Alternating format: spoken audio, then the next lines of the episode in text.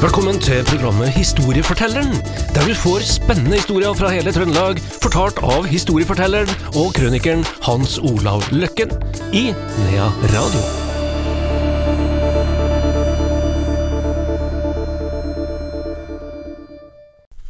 Historiefortelleren er tilbake her i Nea Radio. Hans Olav Løkken, velkommen. Jo, takk. Eh, Det skal handle om krig.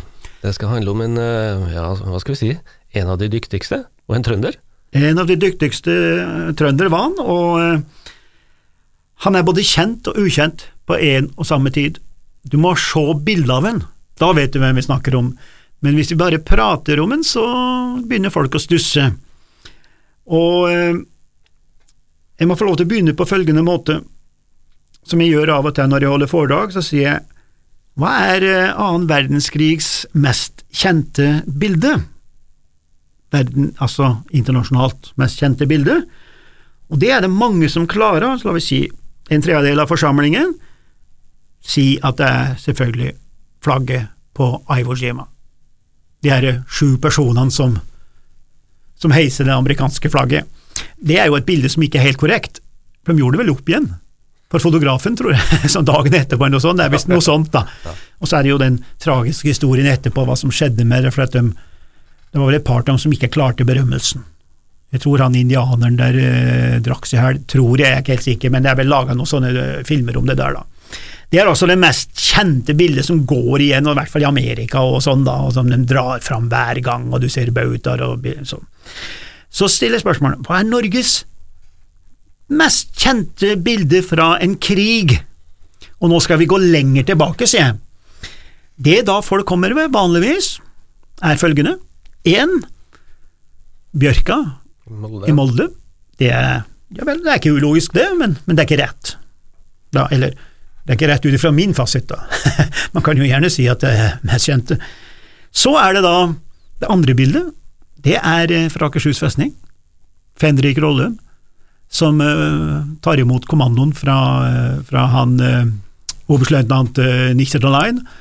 Der, da. Det er jo han står jo, Norske Fenriken står jo vel i, i eplenikkers og Ja. noe selbustrømper eller noe sånt, ikke det tror jeg? Ja, det, Ja, og, og, og det er også et kjent bilde som henger litt rundt omkring på offentlige bygg og sånn, da. Men hvis du går inn i historiebøken, så er det ett bilde som er utrolig kjent, og som du garantert har sett, og da må vi helt tilbake til eh, 1808, med krigen mot eh, Sverige. Siste krigen mot Sverige. Da.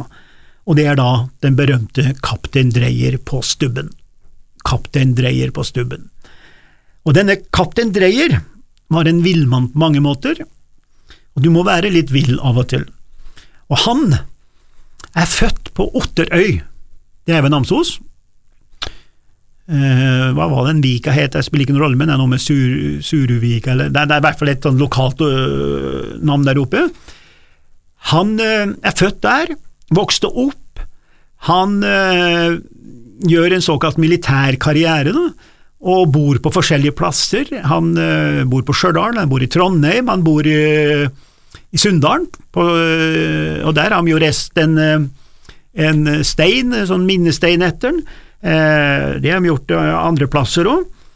Og øh, i kampen mot svenskene så blir det satt opp da en, eh, en del soldater fra Trøndelag, fra de ulike regimenter, stjørdalske, eh, sunndalske, eh, oppdalske, det er liksom sånne regiment, eh, som da skulle bringes ned til eh, Østlandet, og de havner da i det her berømte slaget som heter slaget i Trangen.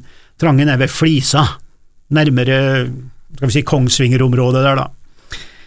Eh, og de samler seg på Værnes, og så samler de seg i byen. Så skal man gå nedover, og de velger å gå via Gauldalen.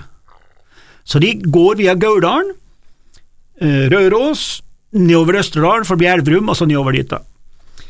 De delte seg opp i, jeg tror det var tre eller fire grupper, med én dags mellomrom. Det hadde sin årsak i overnattingssystemet. Det var jo ikke så mange gårder som kunne ta imot så mye militære, så de, den ene hadde forlatt, så kom den neste dagen etterpå. Og eh, det går jo da en, eh, en vandrehistorie fra en av de her storgårdene i Nord-Østerdalen da, som skulle ta imot uh, de soldatene.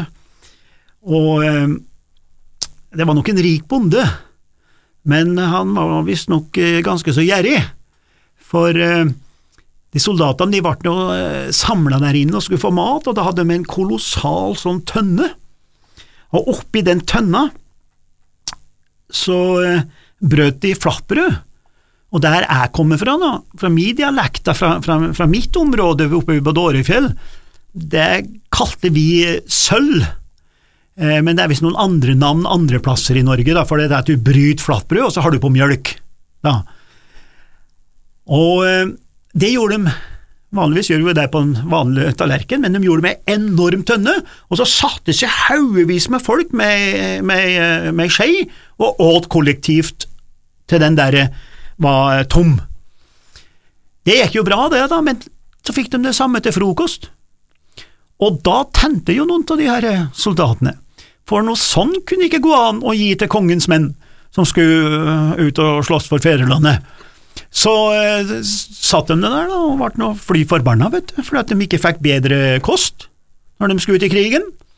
Og så titta de rundt seg, og så ser de opp på takåsene, vet du, at det var eh, rosemat og dekorerte, og altså litt sånn rikmannssymbol på at her er det velstand. Eh, det er, I dag så har vi vel sånne som vi bygger ut på husene, jeg vet ikke hva de heter igjen, det er noen sånne spesielle greier for å vise at man har et fint hus, men den gangen så var det det et sånt litt, litt symbolsk at det, her er det velstand, og da ble de så forbanna, vet du, at de tok opp sablene sine, og så kvista de alle de her takåsene hvor det var rosemaling og gamle ting, da, med sablene. Så her skulle straffe han derre bonden, da. Men det som er poenget, er at de går altså den her marsjen på under 14 dager, i et kolossalt tempo. Og da ble jo jeg nysgjerrig, selvfølgelig, så jeg allierte meg med en uh, i slekta, der oppe i Namsos-området, som også hadde gått igjennom det her og lagt sammen to pluss to og fått fire for en gangs skyld, da. Her hvor fort de måtte ha gått hvis de brukte 14 dager. Det er jo i og for seg ganske enkelt å finne ut når du vet distansen og alt mulig sånn.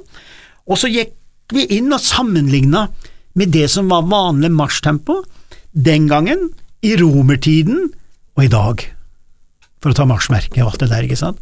Og det var en fart som ikke ligna grisen, altså. Husk på, i dag så går man, jeg tror det er litt over fire mil på, i Nimegen. Mm. Men det er jo forberedelser, og du går på flat mark, og det Det her gikk altså i februar måned. I snø og slaps. Der, og hadde en, en, en, en, hastighet som var mye større, altså nesten det dobbelt av romerske elitelegionærer, altså, som gikk i, på sommeren og sånn. Så, var, så, jeg ser at det er noen sånne militære som skriver at det her er helt utrolig at det går an å gå så fort i samla tropp, og alle kom fram. Alle kom fram. Det er også godt gjort. Så kommer de da ned i det her eh, trangen, og det oppstår det her slaget, da. Og det er da at han herre Dreyer plutselig går opp på en stubbe. Den stubben var ganske høy. Rundt seg så har han noen vanlige soldater, det var fire–fem stykker, som lada for han og rekte opp et gevær. Han skjøt, nytt gevær opp, og sånn dreiv han, til han selvfølgelig fikk, ja, gjett hvor mange kuler som kom inn i den kroppen, selvfølgelig sju. For sju! Nå må du følge med her, for sju, det er litt av et tall. Og det er noe tross alt så magisk og hellig og mystisk at vi snakker jo om de sju underverker, ikke sant? De sju dødssynder, sju hav, sju kontinenter, Sju søstre, regnbuen har sju farger. Den sjuende dal så hvilte Gud. Det er sju bønner i, i, i, i fadervåret der, Mosebøkene. Snakker om sju lamper og sju usyrede brød. Det snakkes om, eh, om pilegrimene går sju ganger rundt tempelet i, Mekka, sånn hvis du er muslim. Eh, ei uke består av sju dager, det er sju noter i en eh, skala. Og i eventyrverden så snakker vi om sju far i huset, Sju lange og sju breier og sju mildstøvler og sju magre og sju fete og Snøhvit sju dverger. Så det måtte være sju kuler som traff han Dreyer for at historia skal være troverdig. Ja. Ja, antagelig var det flere, men eh, hvorfor gjorde han det? Hvorfor er du så intelligent eller dum, alt etter som en ser det, at du går opp på en stubbe og gjør det til en blink? Det der er ingen som har gjort noe særlig med. Men du vet, jeg, jeg ble veldig nysgjerrig på dette, så jeg tenkte at her må vi lage oss noen teorier, da, og så prøve å finne ut det her. og jeg tok jo kontakt med familien hans, da, som lever sør på og disse her folkene oppe i Namsos som er nært inne i historia, og så videre og så videre. Og jeg kommer fram til ti sånne punkter, da, her, hvorfor han gjorde det. Kanskje vil han vise seg fram, altså være et forbilde for soldatene.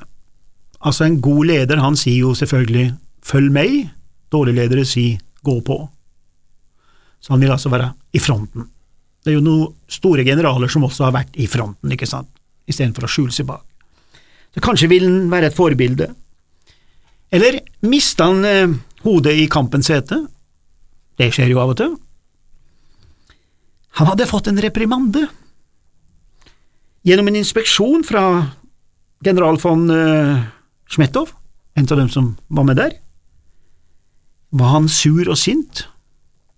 Det var et motsetningsforhold til en Staffel, til en annen kommandant der, som hadde kalt den feig i en eller annen sammenheng foran soldatene. Altså Det er noe av det verste du kan gjøre, ikke sant, mens soldatene lytter. Eh, en eh, lokalhistoriker på Møres ser jeg har skrevet at han hadde veldig problemer i ekteskapet. Eh, vi vet at han hadde enorm gjeld, for det etter at han ble drept da, og død, så ble det jo et opp, eh, så måtte de jo eh, se på kassa og enka og alt, og da kom det fram at de hadde enormt med gjeld. Man påvirka av alkohol. Eh, eller ønska han rett og slett å ta ut offiserer? Han, altså, han, han, han, stilte seg i en posisjon hvor han kunne ta ut de svenske offiserene.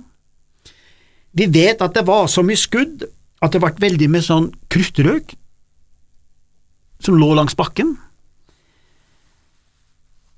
Var det for å håne opponenten? Altså, soldatene, eller svenskene, så jo hva slags tosk, han er jo oppe der, da skyter vi jo fort ned, liksom sånn der. Eller, og så hadde han kanskje, kanskje var det bare en impulsiv handling til sammen ut ifra alt det negative som har rammet han de siste årene, da. Nå er det nok. Og så ofrer han seg på en måte. Han får sju kuler, han dør da, det var vel et par dager etterpå, inne i et rom på en gård der og ble på mange måter en helt, da, der, men det er klart det var en form for sjølmord. Han måtte jo skjønne at stiller du på en stubbe, og det er flere hundre som skyter på det. Men historikere slutter ikke der, vet du. For skal du ha en god historie, så er det alltid the rest of the story. Ja. Da må du lete. Så finner vi at i disse Arnfeldt-dager, 300-årsmarkering i, i, i, i, Norge. Ja, der var han Arnfeldt også. General Arnfeldt. 1808. Ja, Men det går jo ikke an. Han var jo med i 1718, han kunne jo ikke leve så lenge. Jo, barnebarnet til vår general Arnfeldt i Trøndelag i 1718, barnebarnet dukker opp som general Arnfeldt. Og det er altså sønnesønn, som ble general og sjef for den Vesterarmeen mot Norge, og som var da øverste sjef for slaget ved Trangen. Trangen. Han ble etterpå dømt til døden. Ja, svenskene tafte det, det er vel omtrent en av de få slagene vi har banka svenskene sønder og sammen, så svenskene tafte jo det slaget. Han var dømt til døden, Samtidig som den norske sjefen som sloss der nede, Staffen, som hadde kalt han her eh, Dreyer feiging, han ble også dømt til døden, på norsk side, der nede. Her er altså to kommandanter som begge ble dømt til døden, men begge ble benådet.